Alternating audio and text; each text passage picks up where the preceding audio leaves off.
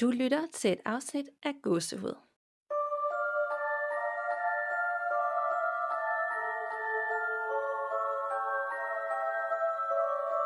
Hej Nana, Hej Danika. og velkommen til Gåsehud Special fredag den 13. Uh. Hvor mange gange er det, at det er fredag den 13. om året? Jamen, øh, jeg tror, det er sådan lidt forskelligt fra år til år, og det er noget med det skudår i år jo. Ja, Og der er kun to gange fredag den 13. Jeg har allerede kigget foran i kalenderen. Der er i dag, fredag den 13. marts, ja, og så er der først igen fredag den 13. november, jeg er ret sikker på. ja. Ja. Så det skulle vi selvfølgelig fejre. Ja, nemlig. Vi har nogle få gange i løbet af året, vi ligesom kan komme med noget ekstra, føler vi. Og det er fredag den 13. og det er Halloween. Det er sådan ligesom Præcis. vores højsæson. Ja, det er det. All, all things spooky skal Ja. ja. ske på de dage der. Præcis. Så vi vil også lige advare jer om, at det er muligt, at der kommer nogle lydeffekter på i det Ja. her afsnit. Bare så I ikke øh, bliver fuldstændig skamfuldt Ja. yeah. sans. Præcis.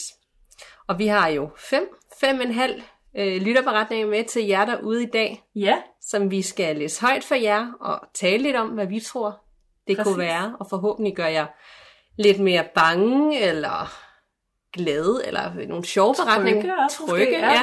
Vi har selv øh, været igennem en, en proces siden, øh, ja, både siden jeg startede helt for lidt over et år siden, men også Ja. siden du kom med i sommers øh, Ja. sidste år. Altså, der er sket meget. der er virkelig sket meget. Ja, Og nu har vi jo lige haft Janni med i, øh, i studiet, ja. og øh, der har vi jo begge to fået lidt en omvejning. Det har vi virkelig, og fået at vide, hvad, hvem, altså, at der er nogen omkring os, og det vi har oplevet de sidste par gange også, Mhm. eller sådan de sidste mange gange, hvor vi har optaget, hvor der har været nogle mærkelige lyde, og øh, der... Okay, ja, der er virkelig gang i fuglene udenfor lige nu. Det er fordi, ja, vi har jo ligesom fået at vide, at det der med dyr, at Ja. når, når man taler om noget, og, og putter en masse energi omkring noget, at så kan man godt tiltrække Ja. alt muligt. Om Ja. det er ånder, men også dyr og alt muligt søger imod det. Det var bare Præcis. sjovt, der var, var Noahs ark ude på din altan. Ja, det var der lige pludselig, ja. det var ret sjovt, ja. ja. Så det der med at blive mere åben over for det, og lægge mærke til tingene, mm. og finde ud af, at man ikke bare er sindssyg, når man mærker et eller andet derved. Ja, og ikke være bange længere. Altså, det er simpelthen Ja. den største befrielse at ligesom komme Ja. til et sted, hvor man, nu er det ikke kun ukendt, nu er det også okay, at der er nogen ved en, eller man oplever Præcis. nogle ting. Altså, og man, giver, man putter energi i det, og er okay med, at der kommer noget retur. Altså, det har jeg ja. i Ja. hvert fald fundet en trøst i, at, at det er okay. Altså, Ja. det er ikke noget dårligt eller negativt. Tværtimod. Det har jeg også. Så jeg håber også, I derude, der lytter med, og som har oplevet nogle ting i jeres liv, måske kan sådan tænke tilbage på det, at det bare var nogen, der vil gøre opmærksom på sig selv, eller i kontakt Ja. med jer, uden at det betød, at de vil skræmme livet af jer og give jer nogle dårlige minder, minder fra Ja, ja, barndommen. Det behøver det jo Eller ikke gør være. jeg noget ondt der. Præcis. Ja, Og, men det kan være, at vi bare skal springe lige direkte til det, som folk er kommet efter. ja det Lytterberetning. synes jeg. Ja, og vi har jo været så heldige at få en update øh, fra en af de, de lytteberetninger, som vi tidligere har læst op. Mm. Og øh, det er fra en lytter, der hedder Christina, og vi læste den op i episode 34, hvis man lige vil tilbage og høre præcis, hvad det var, det handlede om. God idé. Så kan man lige øh, catch Ja. up inden. Præcis. Øh, men for lige at riste hurtigt op, så var hun vokset op øh, ude på landet i, i en bondegård fra 1800-tallet, som vi sådan egentlig blev enige om, godt kunne lyde som om, at det var en slags vortex eller en portal, der ligesom Ja. var åben, meget mere modtagelig og åben over for alle de her energier. Og hun oplevede blandt andet, at øh, der var en gammel præst, som ville brænde hendes tøj, fordi at hun, at han ikke synes det var anstændigt nok. Og øh, der var en dame, der var død i en bilulykke, som troede, at hun var hendes datter, og derfor kom og trøstede hende, når hun havde kærestesover og sådan noget. Og øh, ja, så havde hun også besøg af sådan en slags maren, der nogle gange sad og ville kvæle hende, mens hun sov. Ja. Øhm, og hun havde den her bedstemor, som, øhm, som også havde nogle klaverjante evner, som tit og ofte rensede og fjernede de her ting i huset, øh, indtil hun til sidst var nødt til at give op, fordi at, øh, der simpelthen kom for meget nyt hele tiden. Mm. Så øh, her er hendes update. Hej, jeg hørte det afsnit, hvor jeg læser min beretning op, og jeg ville lige svare på jeres spørgsmål. Huset ligger på Mors, og min far bor der stadig. Jeg er flyttet hjemmefra og besøger helst ikke huset, hvis jeg kan undgå det. Der sker stadig mange mystiske ting for mig. Det har især taget til efter, jeg fik min datter. Blandt andet står min datter og vinker og siger hej til en person, som jeg ikke kan se. Men jeg er slet ikke i tvivl om, at hun taler med nogen. Hun er ikke bange, og hun er begyndt at kalde personen for en pige. Min far skrækslagen, men jeg tager det ikke så tungt. Det er jo efterhånden naturligt for mig. Jeg tænker også, at I vil finde det her interessant. Min familie var tyske jøder under 2. verdenskrig. Jeg tog derfor engang på tur til en koncentrationslejr og tog nogle billeder. På det ene billede kan man se en brændt mur med en glasplade for. I spejlingen kan man se to drenge, som jeg står sammen med, men over, over drengene står der en ekstra person eller et skikkelse af en person. Vi var flere, der tog et billede lige i den retning på samme tid, men det var kun mig, der fangede den ekstra person på billedet.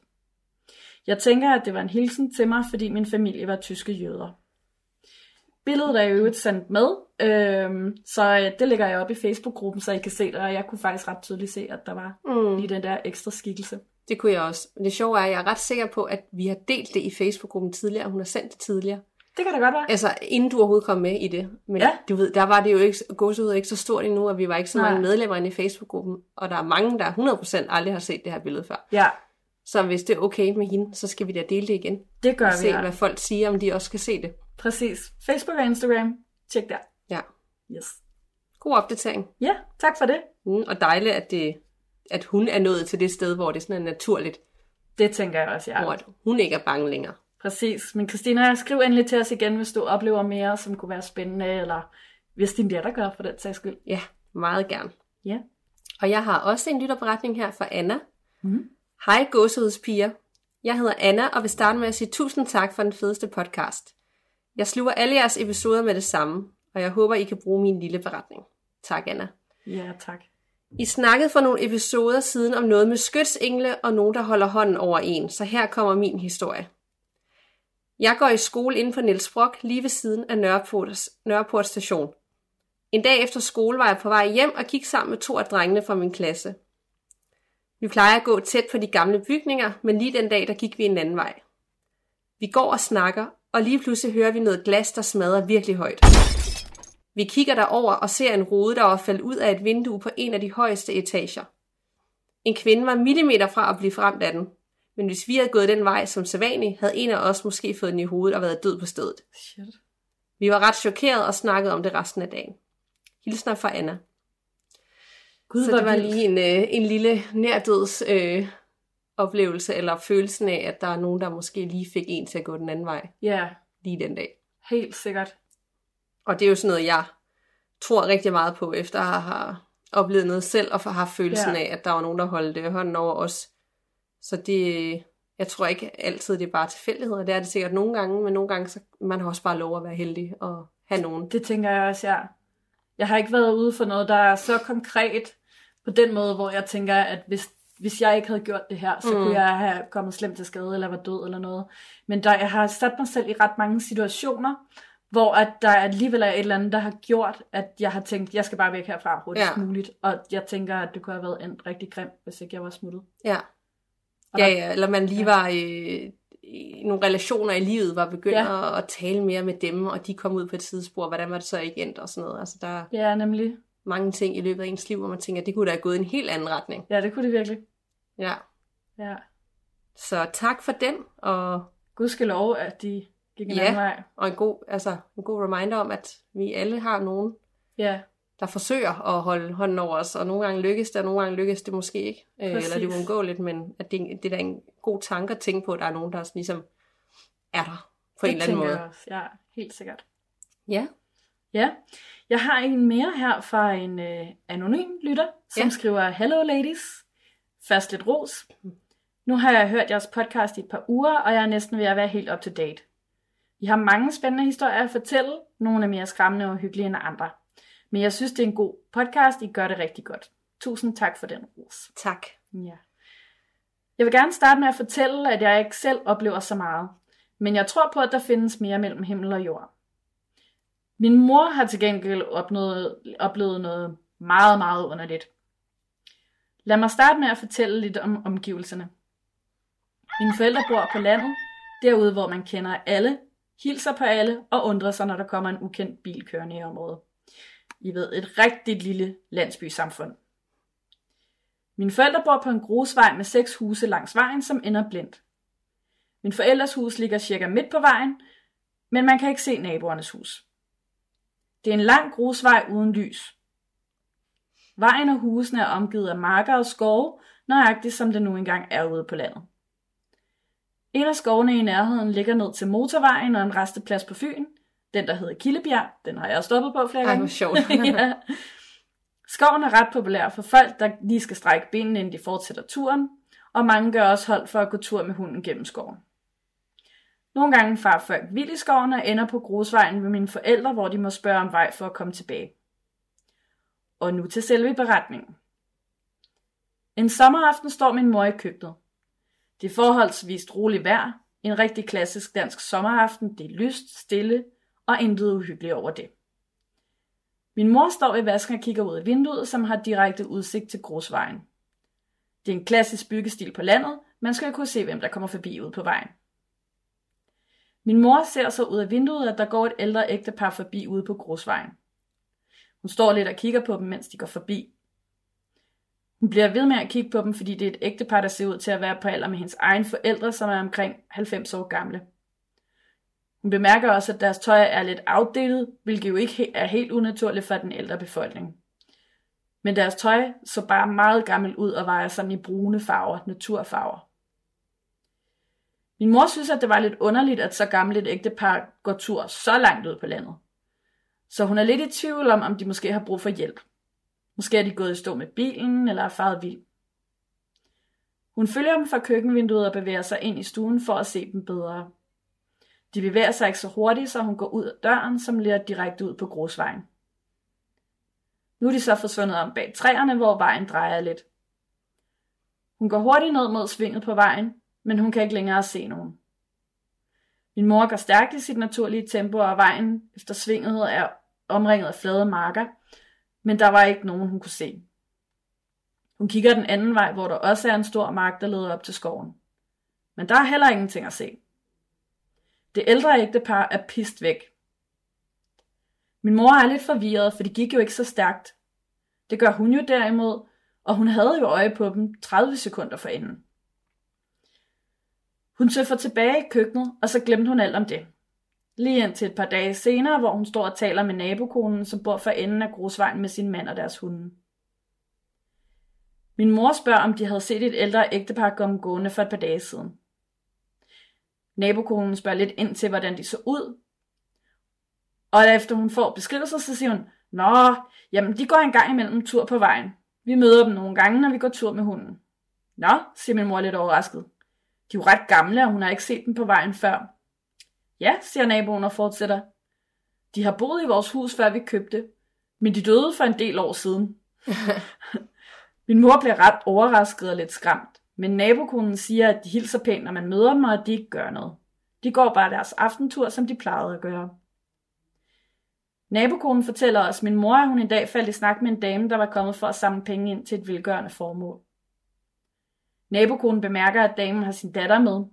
Hun ser ud til at være omkring 10 år. Undrer sig dog lidt over, at damen ikke rigtig reagerer på nogle af de ting, pigen gør eller siger. Hun vender sig engang og kigger efter hende på noget tidspunkt.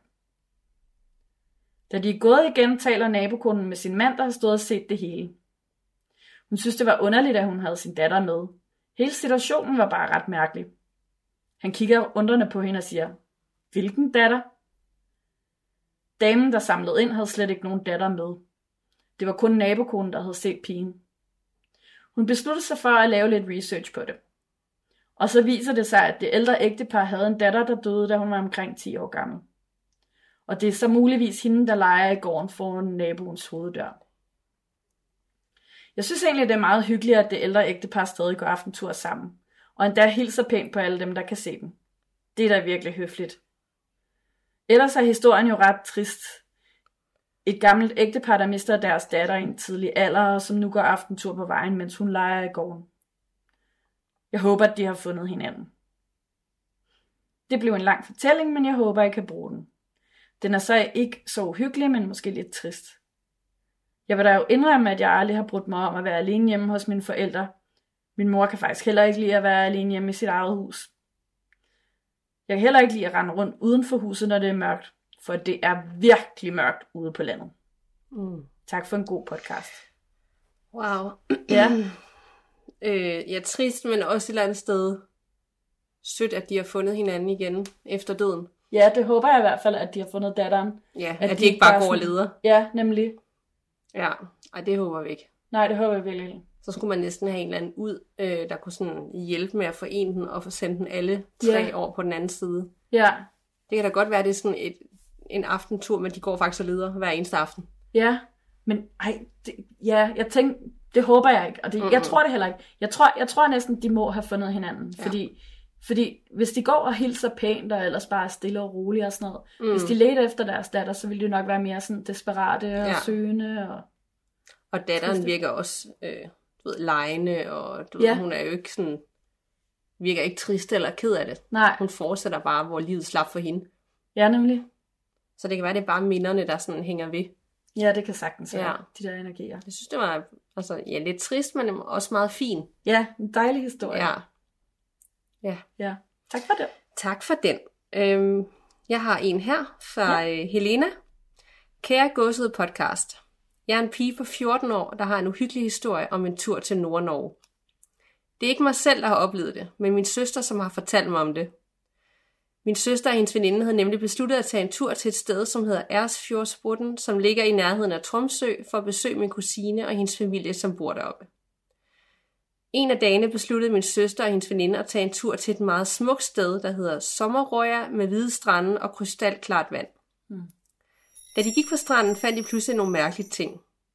Nemlig et juleevangelie og dele af dukker, heriblandt hoveder og arme og fødder. Noget andet mærkeligt var, at alle tingene var delvist brændte. I det øjeblik syntes de, at det var meget spændende og mystisk, og var altså ikke skræmte. Derfor besluttede de sig at tage tingene med hjem, uden at sige det til nogen, bortset fra kusinen. Efter nogle timer kom der pludselig en stor, rød og aggressiv kat, som hele tiden miavede og krassede på døren, som om den ville ind. Der var ingen, der kendte den eller havde set den før. Katten blev ved i flere dage, og det var som om den fulgte efter en udenfor. Og når man var i stuen, så var katten ved stuevinduet. Mm. Der var en konstant miaven, også om natten. Noget de forestillede sig var, at katten var en dæmon, som hjemsøgte dem, fordi de havde taget tingene fra stranden. Det var nok også det første, jeg Ja, det ville jeg også tænke, ja. Lucifer, ja. Ja, derfor lukkede de heller ikke katten ind. En dag besluttede de tre at sove ude i hytten i haven 100 meter fra huset. Det var meget koldt, for der var ikke noget elektricitet, og der var en uhyggelig stemning. Der var også portrætter på væggene, og de fik en følelse af, at ansigterne kiggede på den. De havde alle sammen svært ved at falde i søvn, især min søster. Midt om natten hørte min søster, at der var noget, som gik på terrassen, men det lød ikke som en kat. Trinene var nemlig meget langsomme og tunge. Efter det var der bummestille, og der skete ikke mere den nat. Da hun vågnede næste morgen, fandt hun ud af, at der altså ikke var nogen, der havde gået eller hørt nogen gå på terrassen. Et par dage efter gik de alle tre tur ind mod byen, og katten fulgte efter den. Den er også meget øh, persistent, den kat. ja, det er den virkelig. De fik så den idé, at de vil prøve at finde kattens hjem ved at gå forbi nogle huse, og så se, om den vil gå hen til et hus. På et tidspunkt gik de forbi et mørkt forladt hus, og katten gik så hen til huset og begyndte at krasse på husets dør for at komme ind. Derefter forsvandt den ned ad kældertrappen. De blev så bange, at de løb hjem, og katten fulgte så efter den igen. Ej. Efter nogle dage fandt de faktisk et Facebook-opslag om en kat, som var forsvundet og var lidt mærkelig, og det viste sig at være den kat, som havde været hos deres hus i lang tid. Nå. De skrev så til pigen, som havde lavet opslaget, at katten var hos dem, og efter et par dage gik katten væk igen. Min store søster og hendes veninde tog så hjem igen, og der skete ikke flere mærkelige ting, men faktisk ligger de brændte ting stadigvæk deroppe.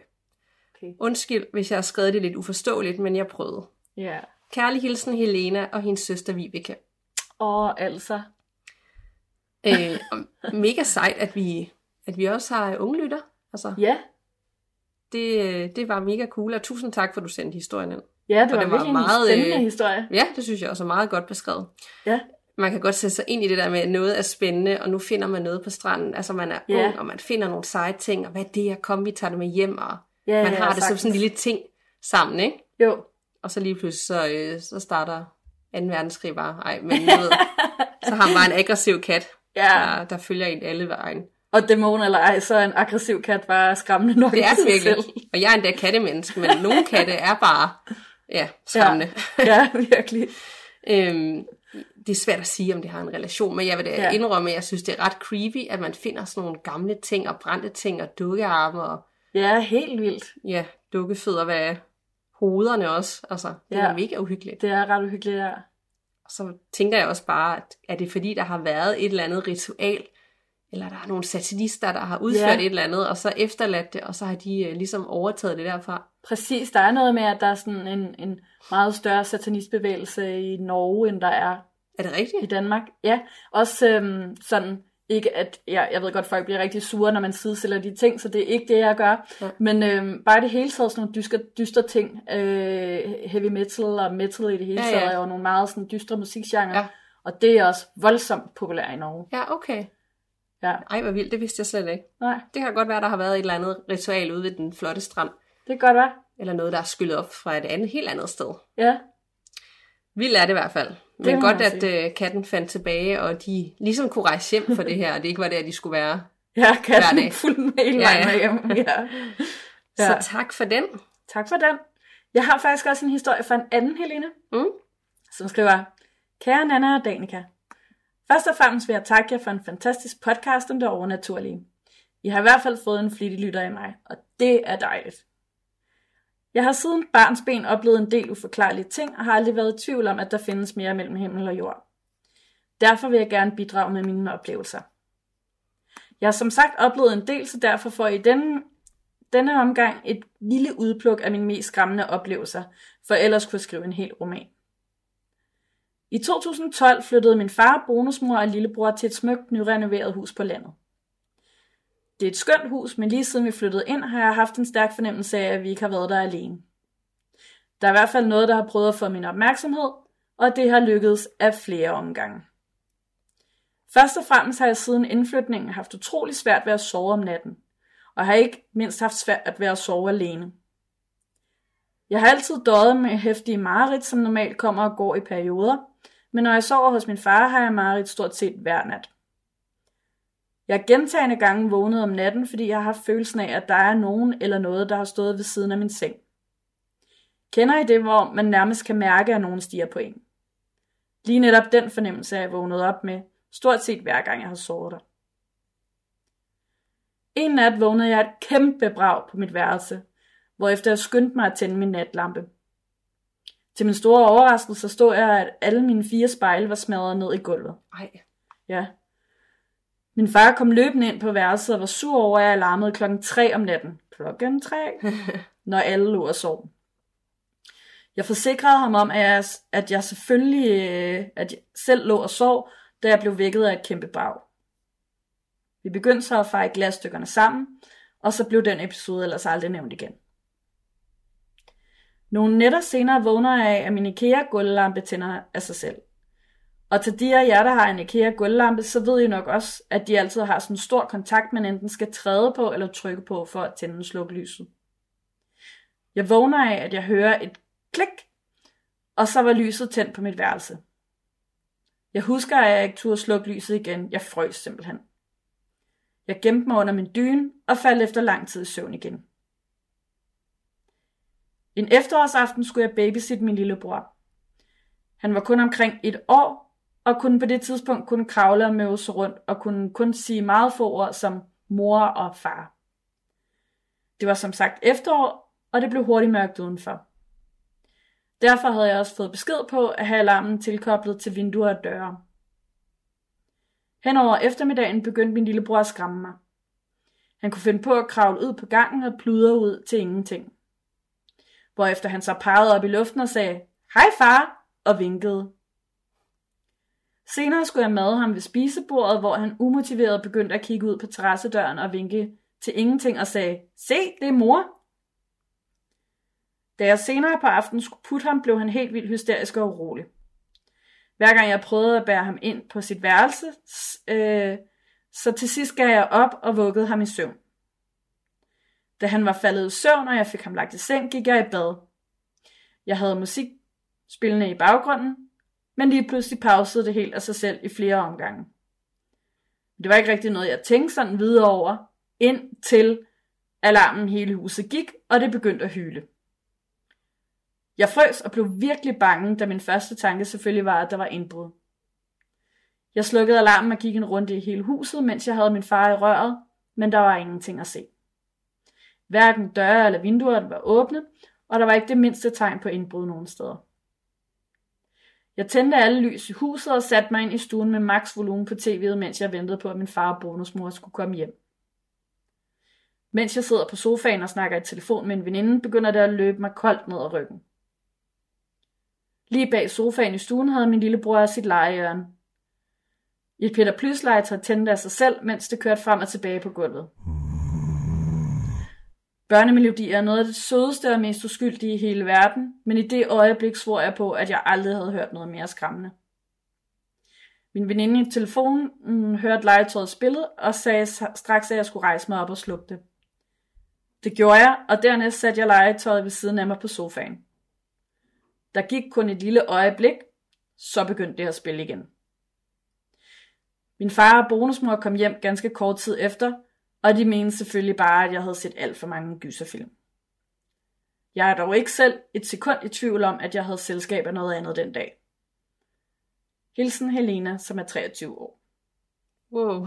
Ja, Sikke en vild øh, aften, hvor man skulle passe lillebroren. ja, for pokker. Og hun har ret i det der med, at legetøj kan være nok så hyggeligt om dagen, men når det er på nogle andre tidspunkter, hvor barnet ikke er vågen, så er det faktisk noget af det mest uhyggelige, man kan forestille sig. Ja, det er det, altså sådan nogle børnemelodier, børnemelodier, børnestemmer, børnesang og sådan noget, det er noget af det mest uhyggelige, Ja, ja. synes jeg. Det er det faktisk. Ja, Og egentlig også nogle børnespøgelser tit. Altså, ja, det ja, er som om egentlig. egentlig et eller andet sted skørt, ikke? Men Jo, altså, som også bliver det mere uhyggeligt, hvis de kommer sådan gående med sådan en dø eller en bamse i hånden, ikke? Jo. Gang. Ligesom børnehjemmet. Har du set den? ja. Ja, det er jo Åh, også... Det er jo, Shit. Ja. Hvis I ikke har set den, så, øh, så se den. Ja, Og også, absolut. ja. Ja det, det er ikke den samme, der har lavet Pans Labyrinth. Det er det, vi er blevet enige om. Ja, Så, præcis.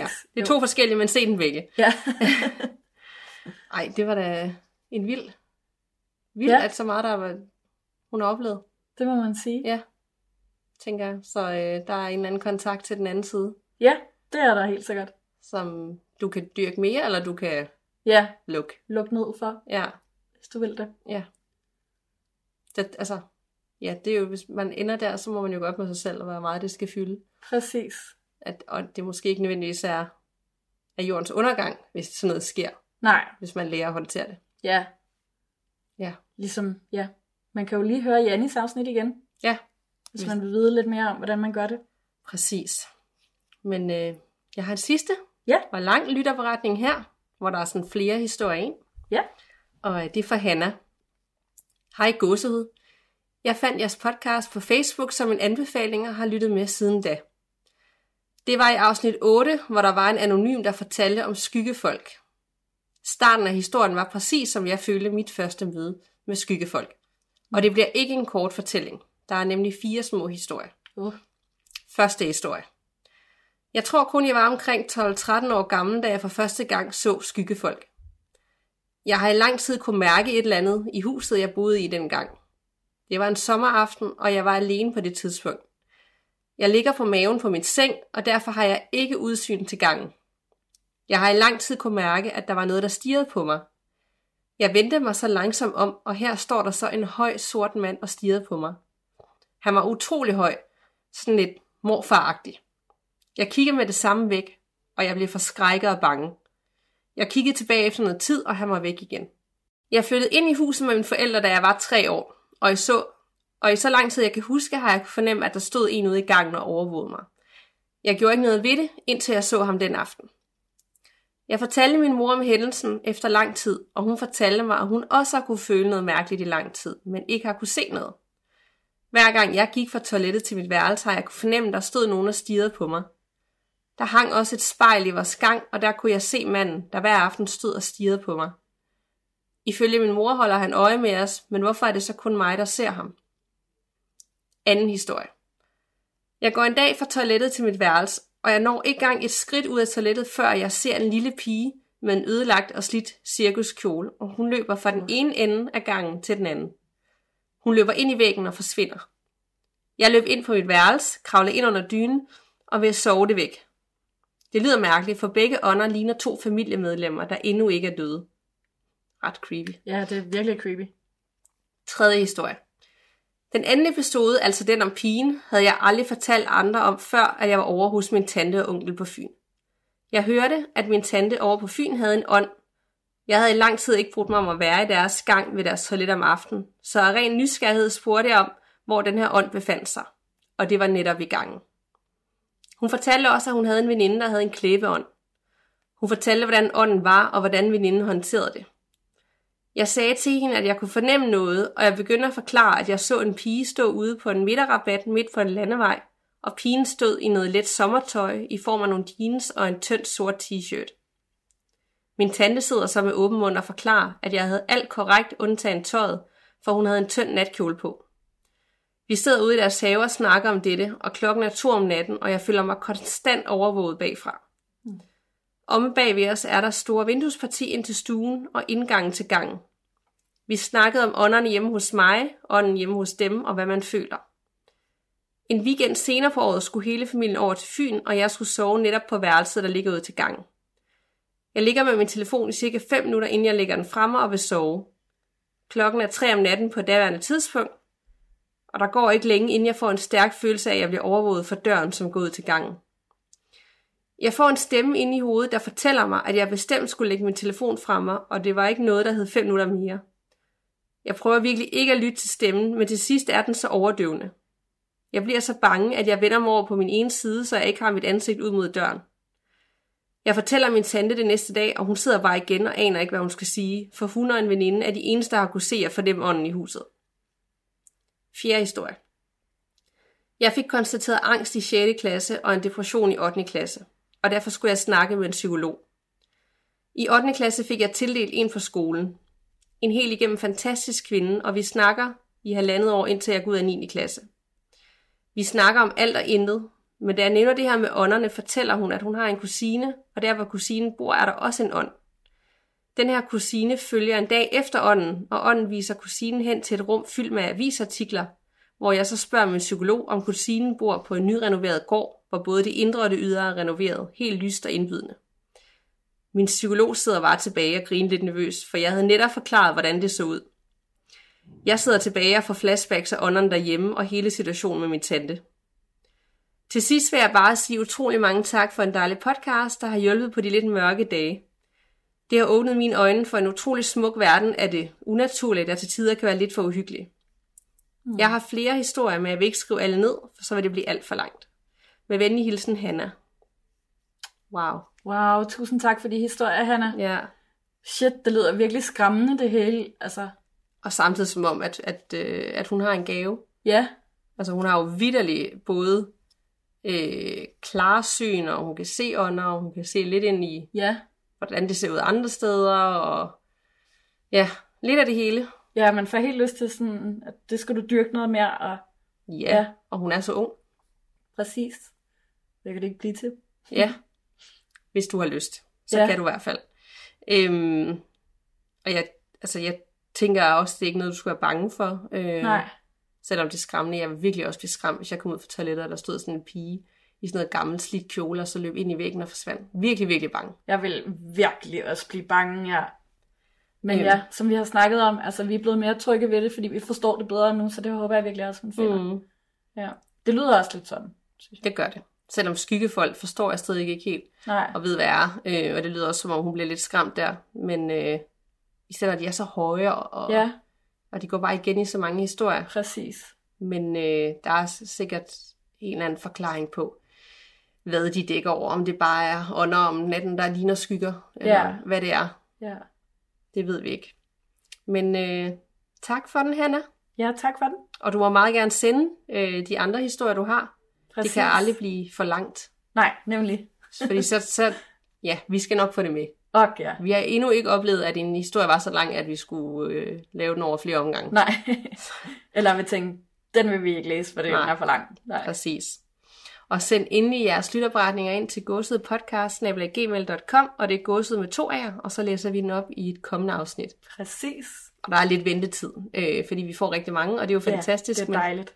Vi sk- skriver altid, når at, øh, vi har optaget afsnittet, og den er kommet med, så I ved, at Præcis. den kommer snart. Yes. Og husk endelig også at anmode om den private Facebook-gruppe. Ja. Og nu var det fredag den 13. tænker jeg, at vi skal lægge de 10 bedste gyserfilm op hver især. Vi kan jo hver især lave en liste. Det synes jeg lyder som en perfekt idé. Det gør vi. Så kan folk nå at, øh, at finde, hvis de lytter til det her i dag, Ja. inspiration til, hvad de skal se i aften. Ja. Og så kan folk også byde ind med, hvad de synes er den bedste gyserfilm. Ja, Sådan at vi får en masse forskellige film i spil og kan lægge op til en god gyseraften. det kan være, at vi lige kan lave en lille afstemning eller et eller andet. God idé. Ja. Og Instagram er vi også øh, super aktive på, eller Ja. blevet mere aktive på i stories og opslag, og det er også bare godset podcast, vi hedder den. Ja, Er jeg ret sikker på, Så, så- os der. Man kan lytte til os alle steder, og vi bare generelt tak, fordi I lytter med. Ja, Og gør det jer. Ja, det er ren hobby for os, men vi elsker at lave det, og vi elsker, at I gider høre på os snakke om uhyggelige ting. det er det bedste i verden. Ja, så derfor så vil vi også gerne lave ekstra øh, bonusepisoder, når det er fredag den 13. eller Halloween. Og nu har vi også lige haft øh, flere episoder, flere Ja. tirsdage i streg, fordi vi kunne ikke vente med at udgive det, fordi vi var så, så glade for de gæster, vi har haft med. Præcis. Så tak for jer. Ja. Og øh, så kom vi vist i øh, bund, gjorde vi ikke? Jo, det gør vi. Så tak for snakken, Anna. I lige måde. Og pas på derude. Man ved jo aldrig, hvad der venter bag den næste dør.